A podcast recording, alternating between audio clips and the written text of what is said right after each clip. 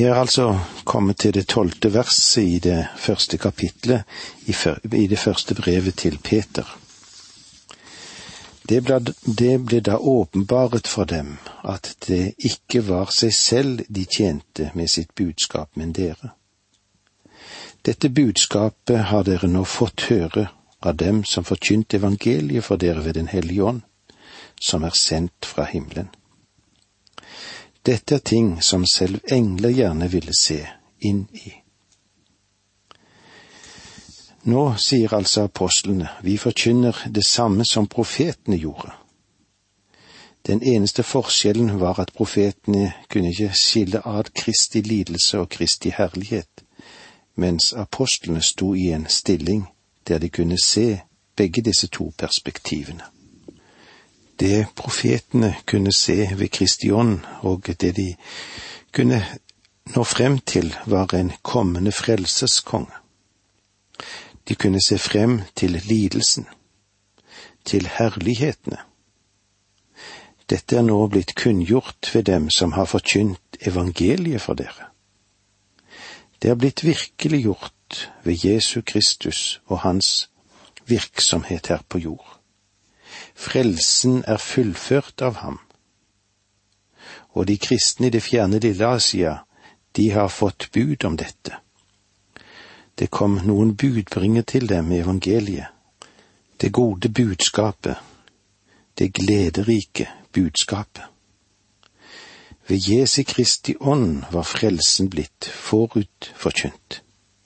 Hvordan? Ved Den hellige ånd. Guds egen ånd. Ved Åndens opplysning og i Åndens kraft ble den fullførte frelsen forkynt. Som Kristus ble sendt fra himmelen for å fullføre frelsesverket, ble også Ånden sendt fra himmelen for at budskap om frelsen skulle lyde klart den skulle lyde rent og kraftig.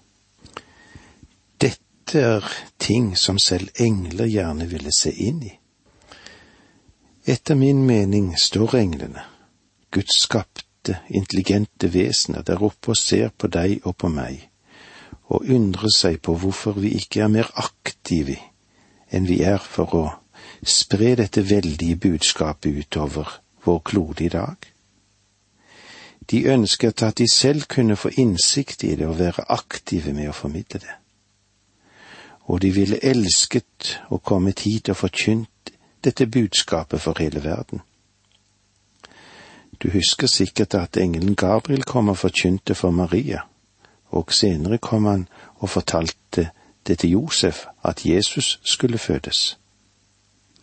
Han kom også til Zakaria og sa at han ville få en sønn ved navnet Johannes, som skulle være Messias sin forløper. Og jeg er helt sikker på at Gabriel ville ha elsket å komme en tur igjen for å si til meg, til oss alle sammen som kan nå lytte til dette budskapet, eller for min del jeg som holder på med disse radiobibeltimene. Åge, vær snill og flytt deg litt, så jeg kan få lov til å forkynne. Du legger ikke nok i dette. Dette er mer vidunderlig enn noe annet som finnes og kan forkynnes på jorden. Selv om han kunne tenke seg å gjøre det, så gir Gud ham ikke lov til det. Han sier til Gabriel, Nei, jeg får nok bruke det skrøpeligste instrumentet som jeg har, Åge. I dag anvender han menneskelige redskaper for å få formidlet ordet fordi vi i første rekke ikke lever i engletjenestens tid. Vi, du og jeg, vi lever i Den hellige ånds tjenesteepoke. Som Guds barn bor Guds ånd i oss. I Romerbrevet 8,9 står det slik. Om noen ikke har Kristi ånd, da hører han ikke ham til. Tilhører du Kristus, så bor Guds ånd i deg. Tror du at en engel kan gjøre noe for deg som Guds ånd ikke kan? Nei. Vi lever i en tid når Den hellige ånd tjener og levende gjør budskapet for mennesker. Vi lever i nådens tid. Når Guds ånd tar det som hører Kristus til åpenbare det for skrøpelige mennesker, hva skal så vi gjøre i lys av dette? Vers 13 Spenn derfor beltet fast om livet, vær våkne, beredt i tanker og sinn. Sett håpet fullt og fast til den nåde dere skal få når Jesus Kristus åpenbarer seg. Spenn derfor beltet fast om livet. Dette er et bilde basert på å holde fast på de lange østerlandske kjortlene, slik at det ikke ville være for mye i veien når den som hadde den på, skulle bevege seg. Det er et uttrykk som ble fastslått på Peters tid, og som Jesus brukte for å illustrere Peter sin framtid. Du husker sikkert hva det står i Johannes 21, 18. Sannelig, sannelig, jeg sier deg, da du var ung, bandt du belte om deg og gikk dit du selv ville. Men når du blir gammel, skal du strekke ut dine hender, og en annen skal binde belte om deg og føre deg dit du ikke vil. Vær våkne. Det er nok en riktigere oversettelse enn det gamle uttrykket vær edruelige. Dette betyr å ha en våken holdning til budskapet, nemlig til Guds ord. Einar Lundby han pleide å si det på denne måten.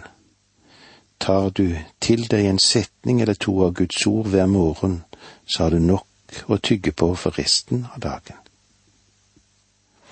Sett håpet fullt og fast til den nåde dere skal få. Det er et mektig uttrykk. Dette er det store brev om håp. Hvorfor skulle Guds barn være villig til å holde ut i prøvelser? Fordi vi har et håp, og dette håpet hviler på Jesu Kristi oppstandelse. Til den nåde dere skal få når Jesus Kristus åpenbarer seg. Når den Herre Jesus kommer for å hente sin menighet ut av verden, så er det en nådeshandling. Ved sin nåde vil han ta med seg alle de troende. Og hver av de troendes gjerninger skal dømmes ved Kristi domstol. Og ved den tiden vil vi enten lide tap eller få vår lønn. Og det vil sannelig bli ved Hans nåde. Det faktum at vi vil bli dømt en dag, er ennå en stimulans til å holde ut i denne verdens prøvelser. Hvordan vi lever her nede på jorden, er viktig. En av årsakene til at Gud lar oss gå gjennom prøvelser og konfrontasjoner, er at Han vil forme oss etter sin plan. Gjennom alt det som hender oss, er det viktig at vi overgir oss, og overgir de forholdene dreier seg om, til ham. Spenn derfor beltet fast om livet. Vær våkne, beredt i tanker og sinn Sett håpet fullt og fast til den nåde dere skal få når Jesus Kristus åpenbarer seg. I vers 14 Som lydige barn skal dere ikke lenger la dere lede av de lyster dere fulgte den gang dere levde i uvitenhet. Som lydige barn. Skriften ønsker å lede oss til lydighet. Du husker nok hva Jakob sa. Vær ordets gjørere og ikke bare dets hørere. Guds ord bringer deg ikke bare håp, men leder deg også til lydighet. Guds ord skal lydes. Vi skal underkaste oss ordets angivelser. Gud ønsker stadig å trekke oss til side så vi kan bruke tid på Guds ord. Å, hvor viktig det er i de troendes liv. Bruk Guds ord. Benytt deg av den kilde som Bibelen er. Dere skal ikke lenger la dere lede av lyster dere fulgte den gang dere levde i uvitenhet. Det vil si at dere skal bryte ut av det atferdsmønsteret dere hadde før dere visste noe bedre. Vi skal leve et liv som vitner om at vi er blitt forvandlet fra innsiden. Det er slutt med å gå rundt med et kunstig smil og late som om vi er glade mennesker, mens vi egentlig avskyr dem. Det kunstige skal være borte. Vi skal overgi oss til Gud, underkaste oss ham, slik at vi i sannhet blir forvandlet. Og med disse ordene sier vi takk for nå, må Gud være med deg. Dette undervisningsprogrammet består av to deler. Åge Nevland fortsetter nå med andre del av dagens undervisning. Vi er i Peters første brev, i det første kapitlet, og vi ser hvordan det er når vi kan få oppleve dette med å bli gjenløst og renset. Appellen i det vi går inn i nå, er at det hellige liv må forsterkes ved at han tar i betraktning hva gjenløsningen har kostet, og hvilket håp den åpner for oss. Vi må binde opp om oss, så vi ikke blir opptatt med forbudte ting og lar det hindre oss på veien til himmelens rike. Vi skal være hellige som Gud er hellig. Det kan vi bare hvis vi lar Gud ved sin hellige ånd forfylle oss. I vers 15 leser vi slik. Han som kalte dere er hellig, så vær også dere hellig i all deres ferd. Hellighet er noe som ofte blir misforstått. Hellighet er for det vanlige mennesket å innta en slags from holdning, og nesten bli noe unaturlig i hverdagslivet. Og for mange mennesker er hellighet noe kunstig som man ikke skal la seg bli dratt inn i. Herren ønsker at du skal være en hel personlighet, et helt menneske. Han ønsker at du skal glede deg over livet og ha plass til smil ofte. Nå tenker jeg ikke på alle de former for humor, men virkelig glede, tilfredshet i livet som han har gitt deg. Hellighet for det åndelige livet, det er som helse for det fysiske liv. Det er hyggelig å møte mennesker som er i fysisk form, robuste og strutter av sunnhet. Vel, hellighet er å ha åndelig helse, en robust åndelig personlighet. Sannelig trenger vi mange slike mennesker i dagens samfunn. Han som kalte dere er hellig, så vær også dere hellige i all deres ferd. Guds virkekraftige kall, formidlet ved Hans ord, har ført oss inn i samfunn, samfunnet med den hellige. Vi er ført inn i samfunnet med Gud. Han er opphøyd over synden og i strid med alt det som er urent. Derfor skal nå hele livsferden av denne måten som vi er på i ord og i gjerning, i yrke og i helg, eller hva det måtte være. Kall er her, som hos Paulus, ikke bare en innbydelse, men et virkekraftig kall, som blir mottatt og fører oss i samfunn med Gud. I vers 16 leser vi slik, for det står skrevet, dere skal være hellige, for jeg er hellig. Skal vår hellighet være grunnleggende personlighetstrekk som Guds hellighet? Nei, vår Gud er absolutt fullkommen.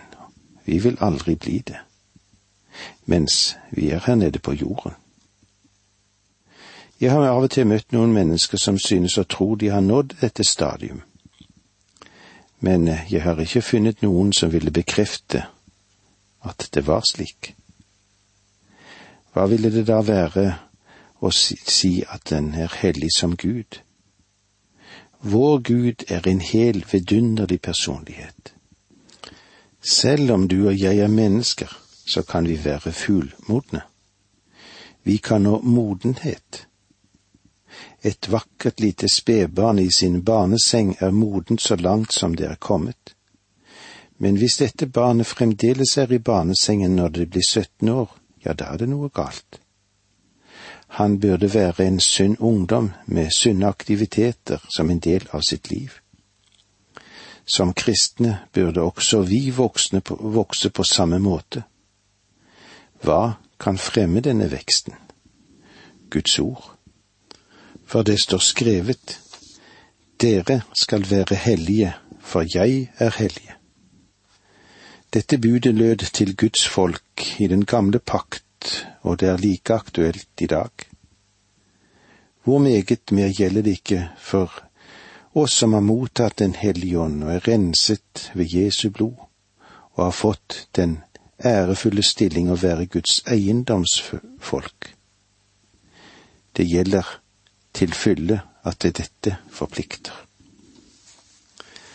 Vers 17 Dere påkaller Gud som far, han som uten å gjøre forskjell dømmer enhver etter hans gjerninger.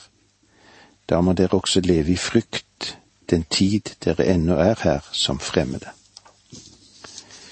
Uten å gjøre forskjell betyr at han ikke er partisk.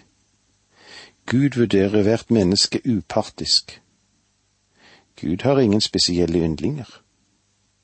Gud vil dømme hver kristens gjerning rettferdig. Det har ingenting å gjøre med vår frelse, men det har alt å gjøre med det livet du og jeg lever her nede på jorden. Det at vi skal stå for Guds domstol en gang, burde skape en våken nøkternhet over vårt liv, og at vi burde være mer oppmerksomme på det livet som vi lever. La oss forsikre oss selv om at vi ikke er kunstige, men ekte helt igjennom. Prøver du å ha et smil? Prøver du å formidle lykke og solskinn overalt der du går? Evangeliet stenker ikke rosenvann på de døde blomster. Evangeliet forvandler liv og bringer med seg et levende håp som hviler på Kristi oppstandelse. De Troende har liv fra den levende frelser som sitter ved Guds høyre hånd i det høye. Dere påkaller Gud som far, han som uten å gjøre forskjell dømmer enhver etter hans gjerninger. Da må dere også leve i frykt den tid dere ennå er her som fremmede. Og denne frykten er det motsatte av lettsindig slapphet og trygghet. De gamle haugianerne sa det på denne måten, frykten er lykten som bevarer lyset. Denne hellige frykt skal prege hele deres ferd i deres utlendighetens tid, så lenge de lever som utlendinger her på jorden. Tanken på at de lever i utlendighet, i farlige omgivelser og i urent miljø, borte fra sitt rette fedreland skal også være et motiv til å vandre varlig og i hellig frykt, så de ikke forspiller den fagre arven der hjemme. Vi leser videre i versene 18 og 19 her i det første kapittelet i første Peters brev. Dere vet at det ikke var med forgjengelige ting, med sølv eller gull dere ble kjøpt fri fra det tomme liv dere arvet fra fedrene. Det var med Jesu Kristi dyrebare blod, blodet av et lam uten feil og lyte. Dere vet at, og jeg håper du vet at du er blitt kjøpt fri. I disse versene vi nå er innom, taler Peter om Guds objektive gjerning for vår frelses skyld, som er forløsningen. Han måtte betale en høy pris for deg. Du og jeg, vi sto under Guds dom, og Skriften sier, som det står i Esekiel 18,4, den sjel som synder, skal dø. Gud har aldri trukket tilbake den påstanden. Gud forandrer seg ikke. Han er den samme i går og i dag og for alltid. Guds ubestikkelighet er de ondes angst, om de i det hele tatt tenker på det. Vi hører at vi lever i en ny tid med nye tanker og nye verdier, men Gud, han har ikke forandret seg. Og det er ingen årsak til at han skulle forandre seg, for han kjente slutten helt ifra begynnelsen. Og han lærte ikke noe nytt i dag når han så på morgenavisene eller han hørte på nyhetsmeldingene som kom til oss gjennom radio eller på fjernsyn. Det sa han ingenting nytt, for han kjenner alle ting. Fortid, nåtid og fremtid. Og Gud har ikke forandret sin tese. Den sjel som synder, skal dø. Dere vet at det ikke var med forgjengelige ting, med sølv eller gull dere ble kjøpt fri. Selv om sølv og gull kan renses, men vil også anløpe over en tid. Slik er det også med sølvet.